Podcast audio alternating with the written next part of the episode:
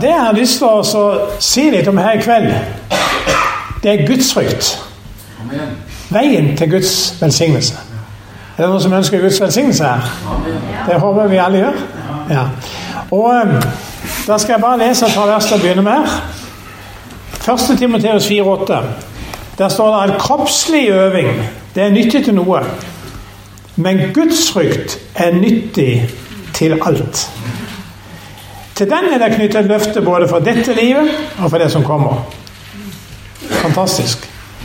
Så står det i Salme 28, vers 14. Herren taler fortrolig med dem som frykter ham. Han gjør dem kjent med sin pakt. For de som frykter Gud, taler han fortrolig. Ønsker du å være der i Guds fortrolige råd? Og høre hans fortrolige samtale? Det ønsker jeg. Og jeg har mange ganger tenkt på hvorfor er det sånn at det er så lite snakk om gudsfrykt i dag. Jeg tror det har noe med at vi har fått en eller annen merkelig idé. Og vi skal gjøre på en måte Gud så attraktiv som mulig. Altså, Vi skal prøve å gjøre han så attraktiv at folk vil ha han. At syndere vil ha han som frelser. Han skal være god og snill og bare det sånn at han skal være attraktiv. Men vet du hva? Vi behøver ikke gjøre Gud mer attraktiv enn det han er. altså, det som eh, er saken, er at det, det gir falskt bilde, og du opplever en sånn lettsindig forhold til dette forholdet til Gud og til Jesus. Det er nærmest som Jesus han er, han er blitt en kompis som du som kan ha det og bare sånn eh, være sammen med. og Det er veldig sånn lettsindig ut av det. Og, Gud han er blitt en gammel bestefar eller bestemor som er både blind og døv. Så du kan se ikke verken det eller andre. Altså gjør som, er, som ikke er interessert i det vi holder på med i det hele tatt. Og det er veldig viktig at ikke folk blir redd for Gud. Det må de ikke alltid i verden ikke være, for det, Gud er jo bare god. Vet du hva? Hvis ikke vi frykter Gud, hvis ikke du er redd for Gud, så er det noe steingalt med deg. Altså Dette sier jeg med alvor. Fordi at Gud, han er veldig god. Men han er så god at han hater synd. Han er så god at han hater all urett.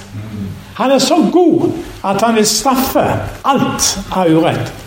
Og jeg opplever at dette med den helt ensidige tingen, det er rett og slett forfalskning av det. Og eh, det er jo interessant når du leser om når Israels folk Når de gikk ut av Egypt, så eh, Så disse folkene som møtte de på veien, de, de, de så jo dette folket. Og De hadde hørt hva de hadde opplevd. De hadde hørt at de hadde gått gjennom Rødehavet. De hadde hørt de, det som hadde skjedd der. Og når de snakker om Gud, når de snakker om Israels Gud, så sier de i 5. Mosebok 10,17 For Herren, deres Gud, han er Gud over alle guder, herre over alle herrer. Den store, mektige og skremmende Gud, som ikke gjør forskjell og ikke lar seg bestikke. han lar seg ikke bestikke. Altså, Han er det ingen urett hos. Der er det ingen feil. Han er 100% rettferdig. Han er 100% rett i alt. Vet, det, Der det er også kommet noen merkelige tanker. Hør Blant kristne de sier det at de som Gamle testamentet det gjelder ikke noe særlig for oss, da, for det, det var for jødene. Det var for tidligere. Det, det, det har ikke noe med oss å gjøre. for Der var det Gud så streng og så vanskelig i Det gamle testamentet. Men Nytestamentet, der kom Jesus og bare viste, det, eh, viste Gud som en god Gud. Men vet du hva? Det gamle testamentet det var jo Jesu bibel. Og han refererer til den skriften hele tida. Refererer fra Noah, Lot og refererer fra alle de gamle profetene. Alt det de skrev. Det var jo Bibelen av Jesus. Og det var den som talte om han, sier han. Derfor måtte jeg gjøre. Og det er jo interessant å se vet du, Paulus. Det er mange som gjerne vil høre på Paulus. Og vet du, Han sa at alt det som er skrevet det var jo Gamle testamenter, det var ikke noe nytestamentet på Paulus tid. Altså, alt som er skrevet, det er skrevet for oss som de siste tider er kommet til. Altså, hele Det gamle testamentet er skrevet for oss. Derfor så sier han også Paulus i det siste brevet som vi har i Bibelen av Paulus, andre Timoteus brev, der skriver han at, at Guds hele Bibelen, Gamle testamentet, er innånda av Gud. Og det er nyttig til opplæring og formaning. og treffe. Hele Bibelen. Halleluja. Jeg, tror også det er Nytestamentet, det. Men jeg mener, det Paulus snakker om, er Det gamle testamentet. Det er innspilt av Gud. Derfor tror jeg det er så enormt viktig for oss. Hvis vi skal lære å kjenne Gud, så må vi lese Det gamle testamentet. For derfor vi lære Guds natur å kjenne. Hvordan Gud reagerer på de gode tingene. Hvordan Gud reagerer på de onde tingene. Og vet du hva? Gud har følelser. Gud kan føle. Han kan bli sint, og han kan bli glad. Kan Gud bli sint, da? Ja, Gud kan bli rasende. Det står der rett ut. Når de to avgudene der så sa Gud, så Gud ble rasende på folket. Og Det blir han i dag òg. Like rasende. Men det som er viktig for oss å skjønne, at denne Gud er det vi en dag skal møte, enten vi liker det eller ikke. Vi skal se han ansikt til ansikt. Vi skal møte han. Halleluja.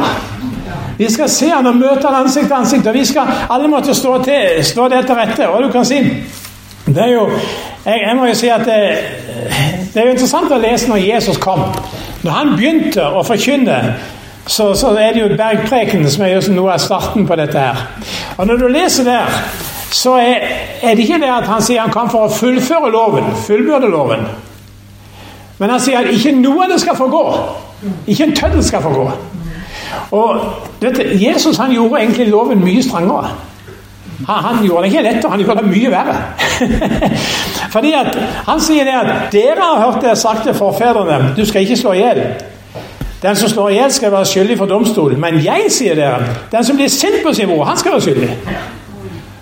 Altså, Det var ikke bare det å slå noen i hjel, men det var hatet. Det var like galt som å slå noen i hjel. Jesus gjorde det, han stramma det inn. Og så sier han i 5, 27, 28 Dere har hørt det det har sagt til fedrene du skal ikke drive hor. Men jeg sier dere, den som ser på en kvinne for å begjære henne, har allerede drevet hor med hennes hjerte. Han gjorde det ikke lettere. Han gjorde, det var ikke bare å følge bokstaven, men det måtte komme hjertet. Han gikk på det indre i oss. Og så står det i 543 dere har hørt dere sagt du skal elske din neste og hate din fiende. Men jeg sier dere, elsk deres fiender. Velsign de som forbanner dere. Og så slutter han igjen med å si Vær da fullkomne slik deres himmelske Far er fullkommen. Det er i Det nye testamentet. Det var Jesus som sa det. Halleluja. Altså, Vi skal få gjøre lov til å komme inn og være lignende på Han. Fullbore det. Altså, Det er ikke bare det at vi, vi, vi følger loven i etter bokstaven. Men det at han vil gå dypere ned. Han vil at vi må følge han i hjertet. Han vil legge loven i vårt indre, i vårt hjerte. Og, og, og det som han eh, forsøkte oss å legge fram, det var at det måtte forvandling i livet. Ikke som fariseerne. De talte én ting og gjorde noe annet. De var hyklere. Men du verden hvor mange hyklere vi har i dag, også blant kristne. Helt sikkert. Som sier noe, men gjør noe annet. Og Jeg tror det er så viktig at vi tar, tar, tar tak i dette. Og det vil si, når, Johannes, Jesus sier at Johannes var den største profeten som noen gang har vært. Og når han annonserer Jesus før Jesus kom, så sier han i Matteus 3, fra vers 7 Ormeyngel, hvem har lært dere hvordan dere skal slippe unna den vreden som skal komme? Bær da frukt som svarer til omvendelsen. Tro ikke at dere kan si til dere sjøl 'Vi er Abraham til far'. For jeg sier dere Gud kan reise opp barna av Abraham fra disse steinene. Øksa ligger alt allerede ved foten av trærne. Hvert tre som ikke bærer god frukt, blir hogd ned og kasta på ilden. Jeg døper dere med vann til omvendelse. Men han som kommer etter meg, er sterkere enn jeg. Jeg er ikke verdig til å ta av ham sandalen engang. Han skal døpe dere med Den hellige ånd og ild. Han har kasteskålen i hånden og skal rense kornet på treskeplassen. Hveten sin skal han samle i låven, men agnene skal han brenne opp med en ild som aldri slukner. Han skal dele menneskeheten i to store deler. Det sier han sjøl i Matteus 25, 40 utover. Og Jesus det er sant at han gikk omkring og gjorde vel. Han helbreda de syke. Han var med og velsigna folk. Det velsigna de små barna. Han var full av kjærlighet i alt han gjorde. Men det var ingen som snakka så mye om helvete som han. Det var egentlig ikke noen som snakka om helvete. Men han, Jesus, han snakka om det fordi han visste hva det var. Han viste at en dag skal jeg sende massevis av mennesker dit. På mitt ord, sier Jesus. Det er ikke djevelen som kaster folk i helvete. Er som tror det? Det er Jesus som kaster folk i helvete. Og det er Jesus som har skapt helvete. Det er Gud som har skapt helvete. Fordi Han ønsker ikke å ha de som er ure, urene, de som gjør synd, i himmelen. I himmelen er det bare plass for rene mennesker. Og det kan vi ikke bli uten Jesu blod. Men det er renselse å få hos Jesus. Og da kan vi, Når vi blir fri i vår synd, så kan vi få lov til å entre inn i himmelen. Og Jeg er så glad for det at når, når, når, Jesus snakker om dette, så gjør han det nøye. Fordi at han, han vet hva helvete er. Han, han, visste det. Han hadde vært med og skapt det. Derfor så ville han ikke at noen skulle komme der. Han ville ikke at noen av dere som er i kveld, skal komme dit. For det er et fryktelig sted. Og Han beskriver det på en forferdelig måte ofte. Men Jesus gjør det ikke så lett å bli frelst. Noen ganger så undrer seg det Folk sier ja, ja, ja, be, bare be, be, si det. Si syndere som er Gud frelst. Jesus gjorde det ikke lett å bli frelst. Tvert imot. Vet du hva han sier? Han sier det hvor vanskelig det er for de som eier mye, de som eier mye å komme inn i Guds rike. og det gjelder vel alle i Norge i forhold til mye av resten av verden. Hvor vanskelig det er! Det var ikke lett. Og han sier også at gå inn gjennom den trange porten. For vi er den porten, og bred er den veien som fører til fortapelse. Og mange er de som går inn på den.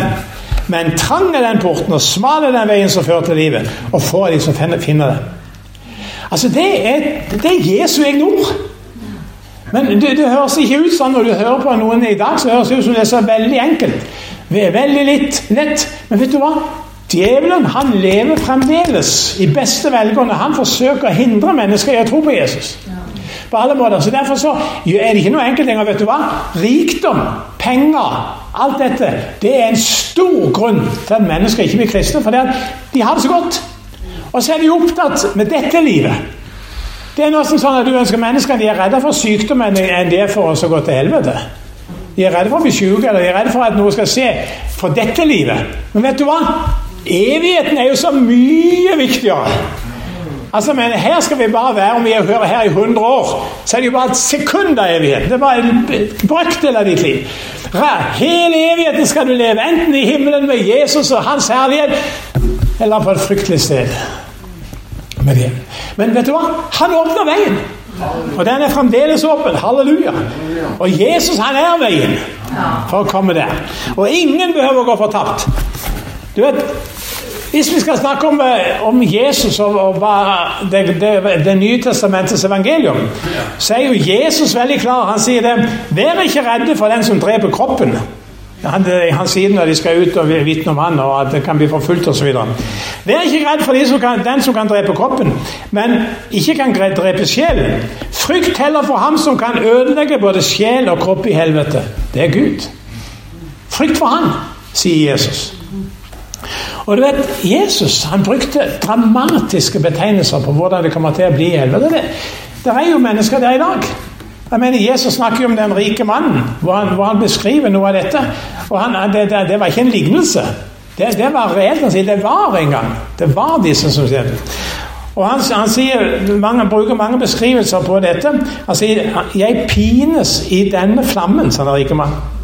Og Det står om andre beretninger der hvor marken som eter dem, ikke dør, og ilden ikke slukner.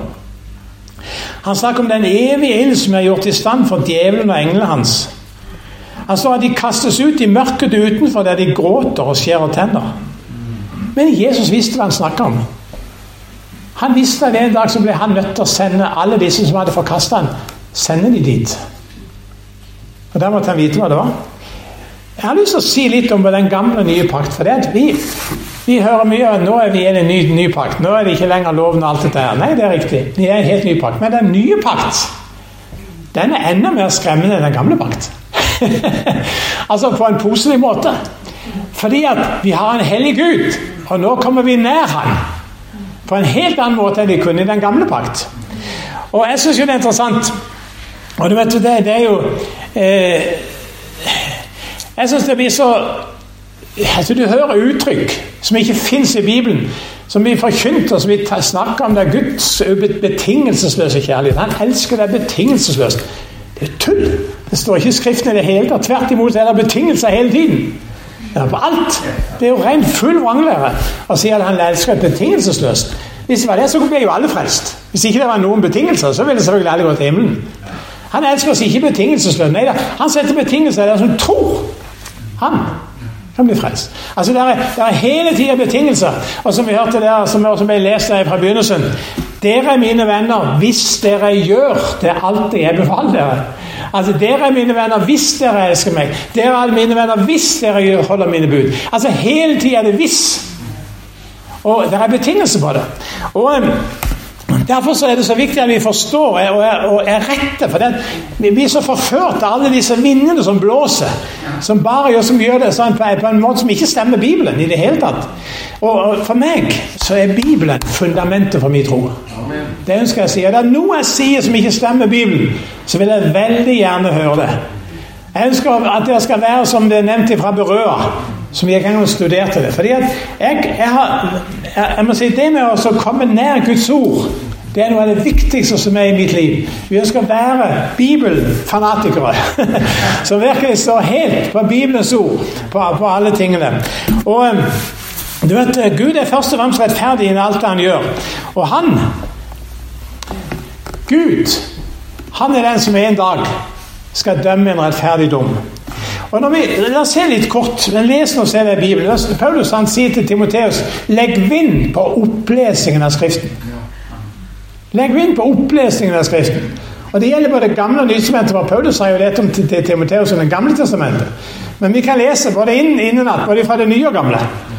Og eh, Det som vi leser her først, skal jeg lese først om, om, om dette med loven. Det står i 2. Mosebok 20. Vi kjenner ti bud. ikke sant? Du skal ikke andre guder enn meg.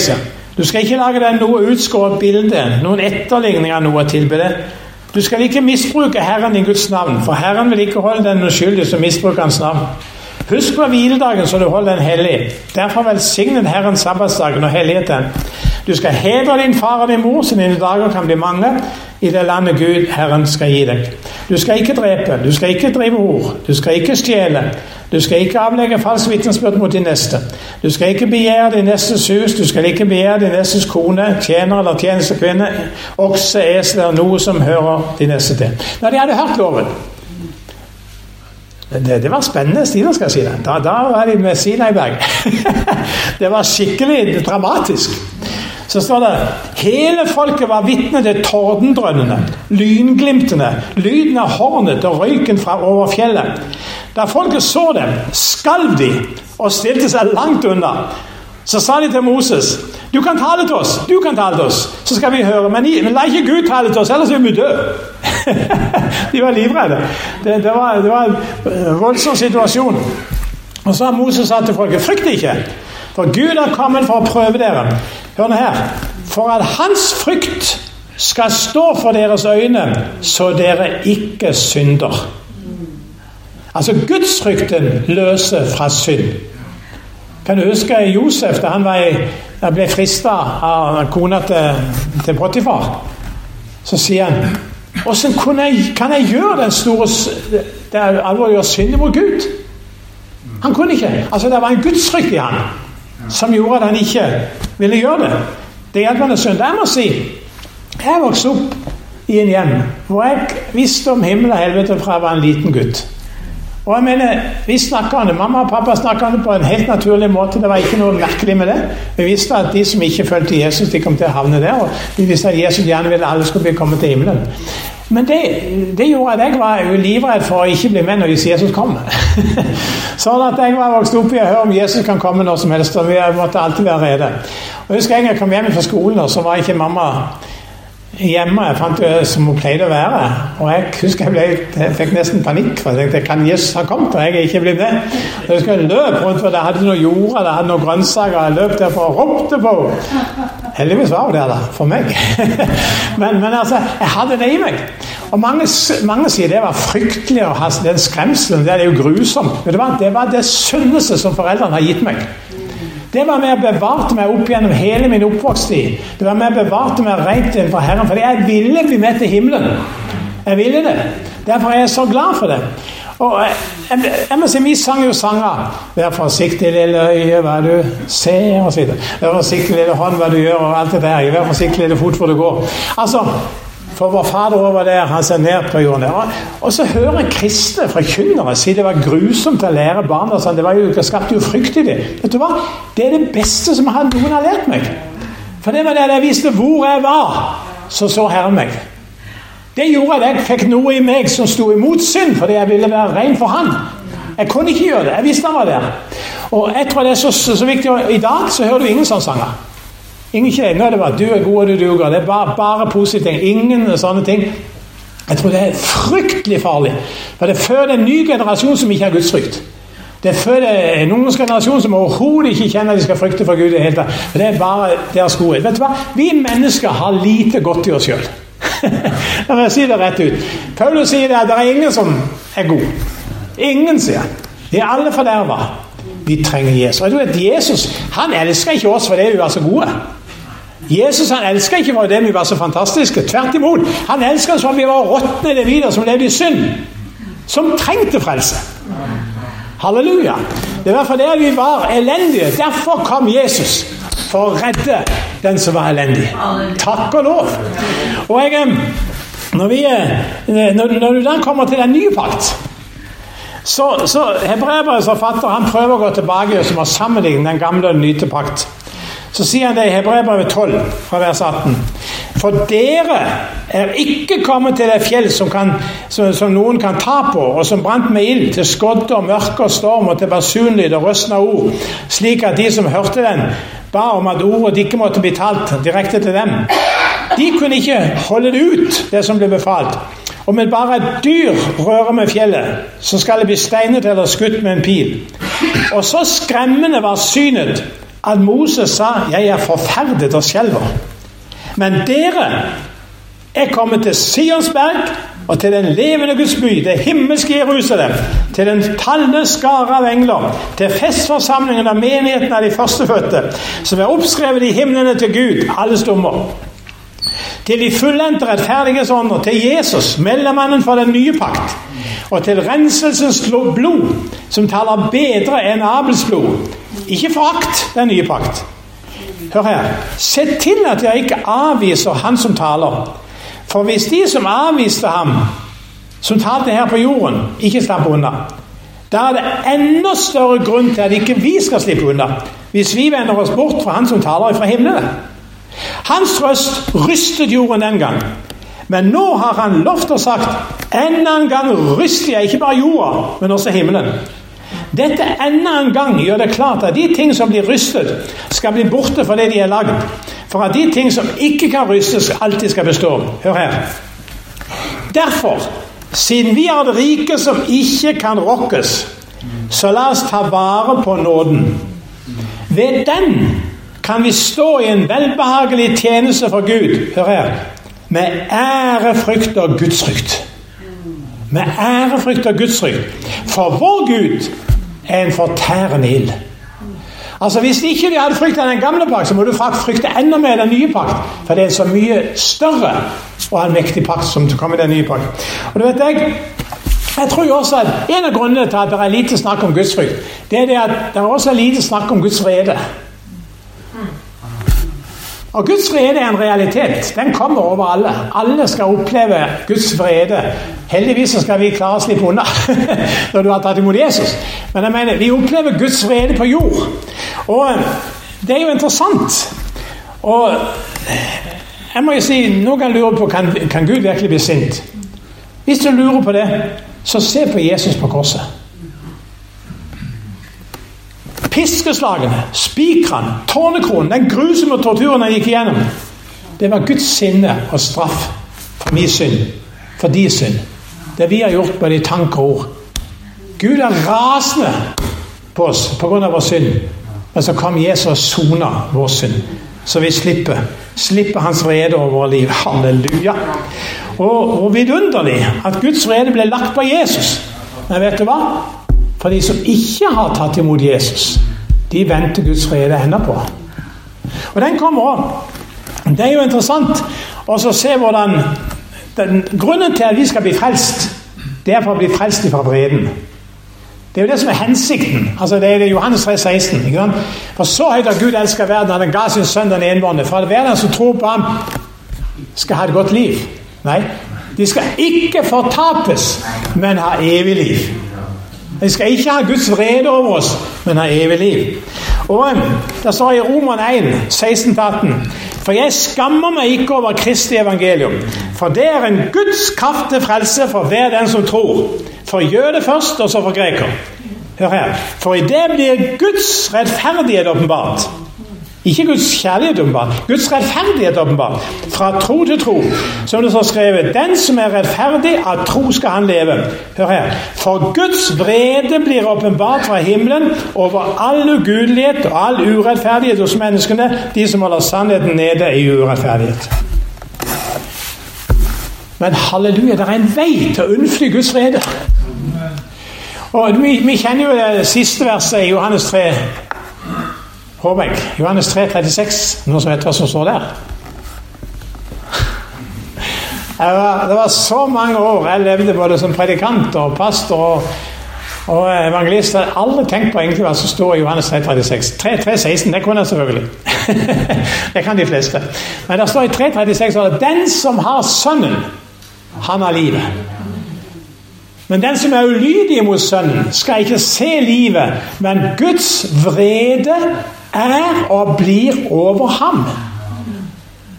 Så, da, så Mennesker som ikke har Jesus i sitt hjerte, de er under Guds vrede og kommer til å bli under Guds vrede til de omvender seg. Men å ta imot Jesus, da unnflyr du Guds vrede. Takk og lov. Og du vet, dette her med at eh, vi alle skal møte Jesus ansikt til ansikt. Enten vi liker det eller ikke, så kommer vi til å møte han. Til og med så frelste så kommer vi til å møte Jesus og stå til regnskap for han. Paulus sa vi skal alle få kristig domstol for at vi kan få igjen det som er skjedd med vårt legeme, enten godt eller ondt. Det vil si at Vi skal ikke dømmes til helvete, men vi skal dømmes for vårt liv. Både på godt og ondt, pluss og minus i vårt liv. Enten det er et glass kaldt vann, du vil komme høyere opp, Eh, bedre himmel. eller, eller, hvis du sier et unyttig ord, så skal du få gjøre regnskap for det òg. Altså, vi, vi, kommer til å bli gradert. Han er veldig nøye. vet du, I boka di der oppe står det eneste tanke du har tenkt. Det er litt, tenk, tenk når du skal åpenbare alle tenker, tanker du har tenkt. Det er sånn du kryper litt og tenker på det. Men vet du hva? Vi må alle gjennom det. Men halleluja, jeg er så glad for det at om du får lov til å komme til Jesus og vaske i hans blod, så skal du få lov til å gå inn på tross For han har tilgitt og rensa ditt hjerte. Halleluja. Men vet du hva? Uansett så blir det en skremmende dag å møte Gud. Men jeg Og du vet Bibelen snakker jo om dette med Guds og lammets vrede gang på gang på gang. på gang. Jeg mener det er hele Bibelen med, både Nytestamentet og Gamletestamentet. Og jeg syns Malakias 4, 1 og 2 sier det ganske sterkt. For der står det jo som kontrasten på hvordan det skjer. For, for han sier der Se dagen. Dagen kommer. Den brenner som en ovn. Alle frekke og alle som gjør urett, skal da være som halm. Dagen som kommer, skal brenne dem opp, sier Herren over herskeren. Verken rot eller grein blir igjen. Men for dere som frykter mitt navn Frykt igjen, Guds frykt. Frykter mitt navn, skal rett før sol gå opp med legedom under sine vinger. Dere skal slippe ut og hoppe som kalver. Halleluja! Det er herlig når du slipper kalven her. Jeg vokste opp på en liten gård. Altså. Det, det, er når kalven skal ut på, våren. Det er en eh, herlig opplevelse å se oss de hopper og spretter. Vet du hva? Vi skal hoppe og sprette av glede når Jesus kommer. Men det er noen som ikke gleder seg. Det er de som ikke har Jesus sitt hjerte. Der ønsker ikke jeg å være. Og tenk der står i åpenbaringsboka 6 der står det om, om da når Guds og lammets vrede kom over. Tenk at det er lammets vrede. Er ikke det litt pussig? For lam er jo så mildt og fint. ikke sant? og, og, og, så kan, og, så kan, lam bli sint. Det, det, det, det er jo som er sånn, nesten motstridende på det. Men der står det. Og så står det om at det, det blir sånn at i vers 15 der i åpenbaringen 16 Jordens konger, stormenn, hærførere, de rike og de mektige til og med være slave også, være fri. Alle gjemte de seg i huler og mellom berghammer. Hør her. Og de sa til fjellene og til bergkammerne, Fall over oss! Skjul oss! For ansiktet til Han som sitter på tronen, og for vreden ifra lammet. For den store vredesdagen er kommet, og hvem kan da bli stående? Vreden ifra lammet. Hvem kan, altså, de, de ville heller Jordskjelv burde komme og skjule oss Så redde var de for å se på Jesus da han satt på tronen. Hans ansikt skremte de. Vet du hva? Det, det at den dagen kommer, det er ikke noe som vi, vi kan unna. Men vet du hva? Gud har utsatt Jesus til å være dommer. Han skal dømme levende og døde. Det var budskapet. Det er jo interessant å lese i Apostlenes gjerninger om de første kristne. De snakket ingenting om Guds kjærlighet. De snakket ingenting om Jesu godhet. Ikke i det hele tatt. Bare Les hele Apostlenes gjerninger. Der var det de talte den ene talen etter den andre. Hva er det tallet gikk ut på? Det gikk ut på at dommen kommer. Gud har, skal sende Jesus. Han skal dømme levende og døde. Og det er bare ett sted du kan få tilgivelse for din synd, og det er gjennom Jesus. Han er den som kan tilgi synd. Og jeg, når jeg tenker tilbake i vårt land Hva var budskapet til Hauge? Hans Nilsen Hauge. Som klarte å forvandle nesten hele Norge på en åtte års tid. Og tida etterpå der med de andre. Men altså Overalt hvor han kom, så var budskapet 'Dommedagen er, omvend dere'. Dommedagen kommer, omvend dere. Det var det som var budskapet hans. Igjen og igjen og igjen. Og igjen. Og jeg, jeg tror det er viktig det, det Vi må være klar over at når, når Israels folk var i Egypt, og skulle, Gud skulle redde dem ut av Egypt, så var det en situasjon hvor Farao hadde fått de mest uhyggelige straffene fordi han ikke ville slippe de fri. Til slutt så kommer jo som den verste plagen. Da går Jesus igjennom hele Egypt og tar livet av alle førstefødte. Både i faraos hus, fra rik og fattig. Alle førstefødte. De som ikke har blodet strøken på dørstolpene. Det var blodet som redda dem. Og vet du hva? Det er bare én ting som kan redde oss. Det er vi tar imot Jesu blod som en forsoning. For hans blod, det er soneoffer. Jesus tok blodet når han sto opp igjen. Så tok han blodet med seg til den himmelske helligdommen, står det. Og så var, godtok far dette som forsoning for mye av de synd. Og så kan vi få oppleve tilgivelse, frihet fra synd, renselse gjennom det blodet som Jesus kom med. Det er åpent for alle. Vi kan få lov til å ta imot det og få lov til å bli trygge innenfor evigheter. Du kan si oss hvorfor er det Jesus må være så streng? Det er fordi han er en Gud, det er en hellig Gud. Han hater synd. Og Der står i Salme 5, 5-7 Du er en Gud som ikke tåler urett. Ingen onde får bo hos deg. Hørte du det? Ingen onde får bo hos deg. Ingen hovmodige får tre fram for dine øyne. Du hater alle som gjør ondt. Du gjør ende på dem som taler løgn. Herren avskyr drapsmenn og svikere. Det er vår Gud. Han er en kjærlig Gud når du kommer til han som en synder i ydmykhet. Men når du kommer til hovmod, frekk og ugudelig, og ikke ønsker å la være, vil fortsette å leve i synd, da er du på en farlig plass. Men jeg er så glad for det at døra til himmelen står åpen for alle. Og jeg jeg syns det er så fint når engelen kom til Josef og til, fortalte om Maria hun skal føde en sønn. Og sier han du skal gi ham navnet Jesus, for han skal frelse, frelse sitt folk fra deres synder. Han skal ikke frelse dem i deres synd. Han skal frelse sitt folk fra deres synder. Han ønsker å forvandle våre liv. Og når, når, de første kristne begynte å forkynne evangeliet, så var det dette som gikk igjen hele tiden. Det er i Apostelens gjerninger 2, som vi hørte lest også i vers 38. Da er det Peter det folket. Når Peter hadde talt, så hadde det stakk i hjertet. Det er ikke så ofte at det stikker i hjertene når det forkynnes i vårt land i dag. Men vet du hva?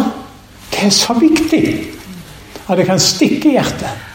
For hvis ikke jeg gjør det, og det er synd i ditt liv, da er det noe galt med deg. Altså, Vi kan få lov til å la det stikke. vet du hva? De hadde en mulighet. De ropte 'Hva skal vi gjøre, brødre?' Hva skal vi gjøre? Og så sier han 'Vend om'. Enhver der lar dere døpe, så skal dere få Den hellige ånds gave. Halleluja.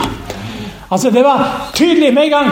Det var omvendelse, det var dåp i vann, og det var for Den hellige ånd, det nye livet i dem. Halleluja. Og Det er det samme som Peter Paulus sier til fangevokterne i Filippi. Tro på denne Jesus, så skal du bli frelst, du og ditt hus. Vi er frelst av nåde ved tro.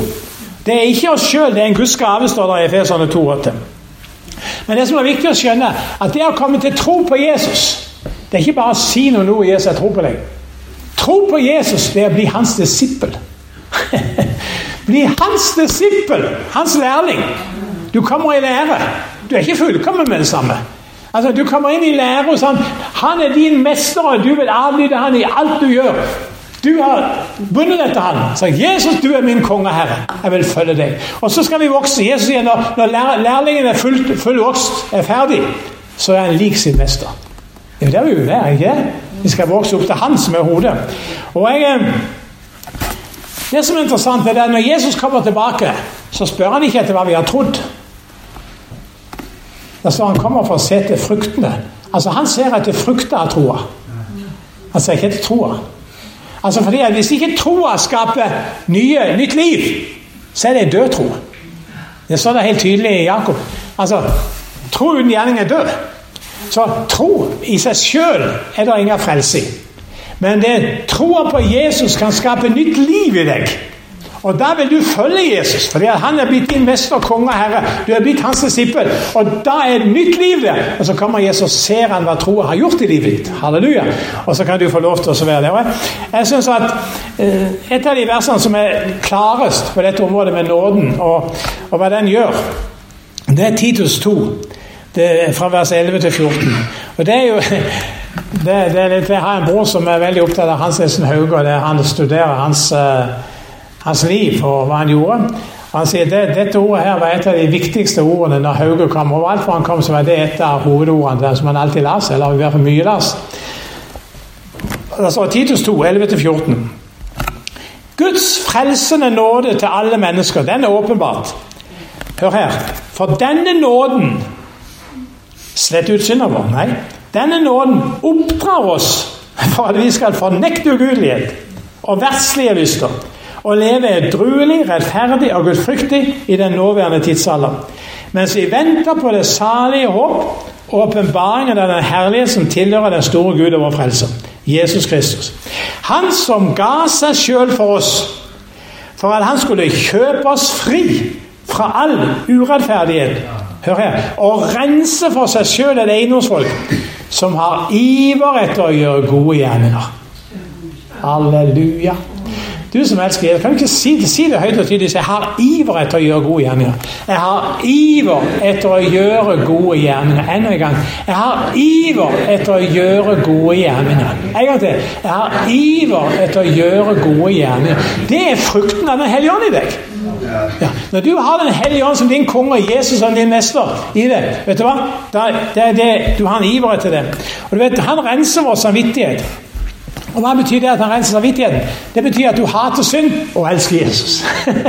altså, da, da, Samvittigheten din var, som er det samme du gjør noe og sa noe som ikke var fint, som ikke du skulle ha sagt, så kjenner du fordømmelsen med en gang. Og det er vel, du Folk er redde for fordømmelsen. Fordømmelsen er jo samvittighetens gode mester som skal lære oss å leve rett. Halleluja for fordømmelsen. Amen. Jo, for det at den gjør du kan snu rundt.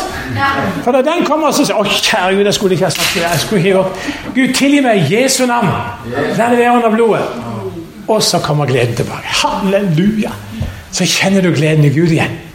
For Hvis du fortsetter å leve i den fordømmelsen hele dagen, så er du svak. Men når vi, når vi ber Gud om livet som kommer tilbake til Han, så får vi styrken tilbake igjen i livet. Halleluja. Hvis vi bekjenner våre synder, så er Han trofast og rettferdig, så Han tilgir oss synder, renser oss ifra all urett, så ikke vi gjør det om igjen. Vi skal få lov til å leve dette. Og vi blir hellige litt etter litt. Jeg synes Paulus sier det på en flott måte der i 2. Korinterbrev 3,18. Han sier vi som er utedekket ansikt, ser Herrens herlighet som i speil i Bibelen.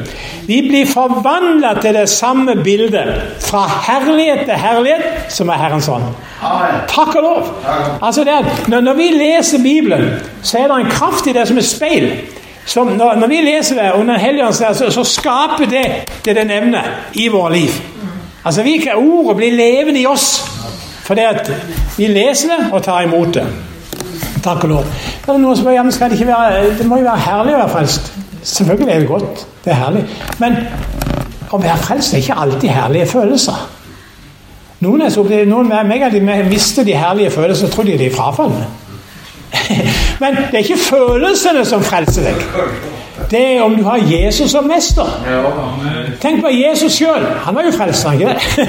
Jeg han, han var i Getsemane, det var sannelig ikke noe moro for han å være der. Det var ikke sånn at han gleda seg. Tvert imot, han ropte til Gud Er det mulig, far, så la dette komme forbi! Men ikke som jeg vil, men som du vil. Jeg skal si Det å ta korset opp hver dag, sier som vi skal gjøre, det er ikke alltid like lett. Men likevel så gjør vi det. Vi gjør det med glede. Men det, kan, det er tøft noen ganger. Vi kjenner det i vårt hjerte. Det, det, det er tungt. Men vi gjør det. Og vet du hva? Det viktigste er at vi vet at vi er på veien. At han er kongen vår. Det viktigste er ikke vi føler vi er frelst. Jeg møter mennesker som lever i synd. I åpenbar synd. Og likevel så holder de på å sitere Romerne 8 og sier det er ingen for dem som er Kristus Jesus. Jeg har vært jeg tror på Jesus. Det er ingen for dem som meg. Og så fortsetter de å leve i synd. Altså, er, du kan si om du sier det tusen ganger, roper det ut til du blir blå i ansiktet Det frelser deg ikke. Det først når du tror ryggen til synda. Da er du frelst. Synd kommer aldri til himmelen. Du må snu ryggen til det. Og da får du tak på frelsen i Jesus. Halleluja! Det her Omvendelse er det viktige i dette med frelse. Og jeg, jeg tror at Da er du ikke redd for om du blir håna og spotta om det er vanskelig. Det er som de første kristne i Apostlenes gjerninger 541. De gleder seg over å bli regna verdige til å lide vanære for Jesu navns skyld. de gleder seg over det. å lide vanære. Og jeg Bare for å si til slutt her Jeg husker jeg la seg boka John Bever om gudsfrykt. Noen av dere har kanskje lest den. Men der husker han forteller en historie om den Jim Baker. Altså, Jim Baker er jo kommet tilbake til her han har opplevd veldig mange flotte ting. Men han, jeg husker i 79, da var meg og kona eh, på Pinsevennenes verdenskonferanse borte i Vancouver. Og Da var Dean Baker på toppen. altså. Han hadde kjøpt denne hele dalen som de skulle gjøre om til et kristent eh, senter. og Det var voldsomme ting. Jeg husker Alle så opp til Dean Baker. Han var jo som den store apostelen nesten i, i pinsebevegelsen borte i USA. Men så ble han tatt på de umorale og økonomiske misligheter og måtte i fengsel. Og eh, når han sitter der i fengsel, så sender han bud på John Biver. Og når han kommer, John Bever kommer der, og sånn, så, så, så, sier han det er, ikke, det er egentlig ikke Guds straff at jeg er her. Det er Guds nåde at jeg kom i fengsel. sånn. For hvis jeg hadde hvis jeg hadde dødd i den situasjonen jeg var i, når jeg var på toppen og alt det der, og var, jeg var full av begeistring og talte og så, hadde gått rett til helvete. Så sier John Bøer Hvordan kan du si noe sånt? Når var det du mista kjærligheten til Jesus? Jeg, jeg elsker Jesus hele tida. Jeg elsker han hele tida mens jeg holder på. Men jeg frykter han ikke. Og det slo ned i mitt hjerte. Og så sier, så sier, nei, så sier han Dian Bakerman Det er millioner av andre amerikanere som har det sånn som meg. De lever i synd, men de sier de elsker Jesus. Og de kommer til å gå fortapt en dag. Til og med mennesker som har gjort store tegn og under og mirakler. Jesus han sier det jo rett ut i Matteus 7 han sier noen skal komme, og så sier de ja, men eh, de kommer og skal inn til herligheten. Så jeg kan se hvor begeistra de er. De kommer der og skal inn og venter på en åpen himmelport. Og så sier de jeg kjenner ikke bort fra meg. De vil forsker gjøre Vi gjorde mirakler i ditt navn. Vi profeterte, vi helbreda syke, vi gjorde det ene og det andre. Jesus, jeg kjenner dere ikke. Der levde synd, urett. Vet du hva? Alle mirakler Gud hører bønn til den som ikke er frelst òg. Det er at det skjer mirakler, er ikke noe bevis på at du er en Herrens tjener. Det som er viktig, det er hjertet ditt er ydmykhet for Herren. At Han er din konge. At du lar Han ta hånd om synda i ditt liv og bli ferdig. La deg vaske i Jesu blod. La meg sitter og lese et vers til slutt her. I 1. Korinterbrev 6, 9-11. Vet dere ikke at de som gjør urett, ikke skal arve Guds rike? La dere ikke føre vill, verken de som driver hor, de som dyrker avguder, eller de som bryter ekteskapet, verken menn som ligger med menn, eller som lar seg like med. Verken tyver, grådige, drukkenbolter, spottere eller ransmenn skal arve Guds rike. Slik var noen av dere før. Men nå, hør her, er dere vasket rene. Dere er gjort hellige. Dere er gjort rettferdige i Herren Jesu Kristi navn og ved vår Guds ånd. Der ønsker jeg å være. Vaske trærne. Det, det eneste du kan gjøre for å bli frelst, det er å snu ryggen til synder. Snu ryggen til djevelen. Da kan du bli født på ny. Og vet du hva som skjer da? Det er det som skjer, det står i Esekiel 36. Jeg gir min ånd i dere, og jeg gjør at dere følger forskriftene mine, holder lovene og lever til det. Du skal ikke streve i deg sjøl. Du skal bare gå i den kraft som han gir deg når du tar imot Jesus som frelser. Derfor er det eneste vi kan gjøre, det er å være villig til å dø i oss sjøl. Slippe synd. Slippe det elendige. Slippe det som ligger bak. Og si 'Jesus, jeg angrer min synd. Jeg omvender meg til deg. Jeg tar imot deg som frelser.' Og da skjer det noe i ditt liv. Du blir en ny skapning. Han tilgir synda deg, synda di, og så kan du gå over fra døden til livet. Paulus sier må fredens Gud sjøl hellige dere helt igjennom. Så deres ånd, sjel og kropp helt og fullt blir bevart ulastelig ved vår Herre Jesu Kristi gjenkomst. Det er min bønn. At vi må få lov til å være der hellige oss helt igjennom, så vi kan være ulastelige når han kommer. Og skal få lov til å gå med han. Jeg ønsker å være med Jesus når han kommer. Jeg ønsker å møte han i skyen. Jeg ønsker å være med oss og gå inn til herligheten med han. Og det er det bare pga. Jesus som har skapt et nytt liv i meg. Som lærer meg å kunne elske han kunne leve for han. Takk, himmelske Gud og Far. Takk at du er her akkurat nå. Og Herre, jeg ber at hver eneste en som er i dette møtet i kveld, skal få lov til å velge deg som herre og konge, som mester, Gud og far. Herre, jeg ber deg, la ingen gå ut herifra og være på vei til helvete. Jeg ber deg at alle må få lov til å si et ja til deg. Si et ja til din frelse. Din vidunderlige død på korset. Ja til å velge deg som herre og mester i livet. Takk, Herre, at du er der for å frelse akkurat nå. Jeg ber i Jesu navn. Rør ved hver enkelt av oss. Og la oss få lov til å bringe bud om deg overalt hvor vi går, i Jesu navn. Amen. Kan vi ikke, om du føler det vanskelig ikke vet hva du skal si og gjøre for å kunne gjøre som være sikker i din sak, kanskje du føler det kanskje synder deg, du føler kanskje at det er utrygghet, kanskje ikke du er sikker på at du er tilgitt, at du er rensa. Jeg har lyst til å be i bønn med deg her nå.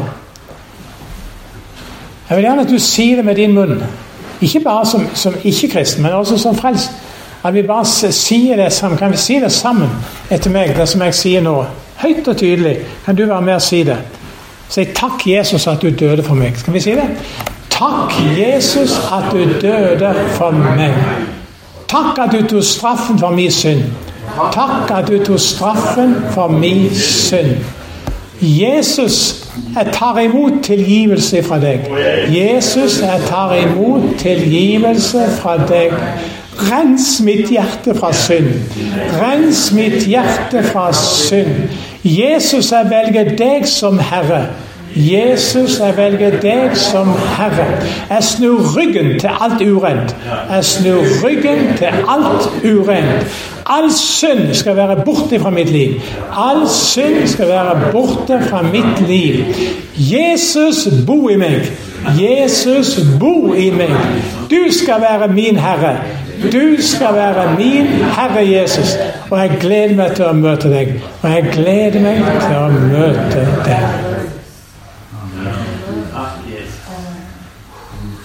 Den bønna kan være begynnelsen på et nytt liv for deg. Om du kanskje har trodd at du har vært kristen eller ikke kristen, spiller ikke noen rolle.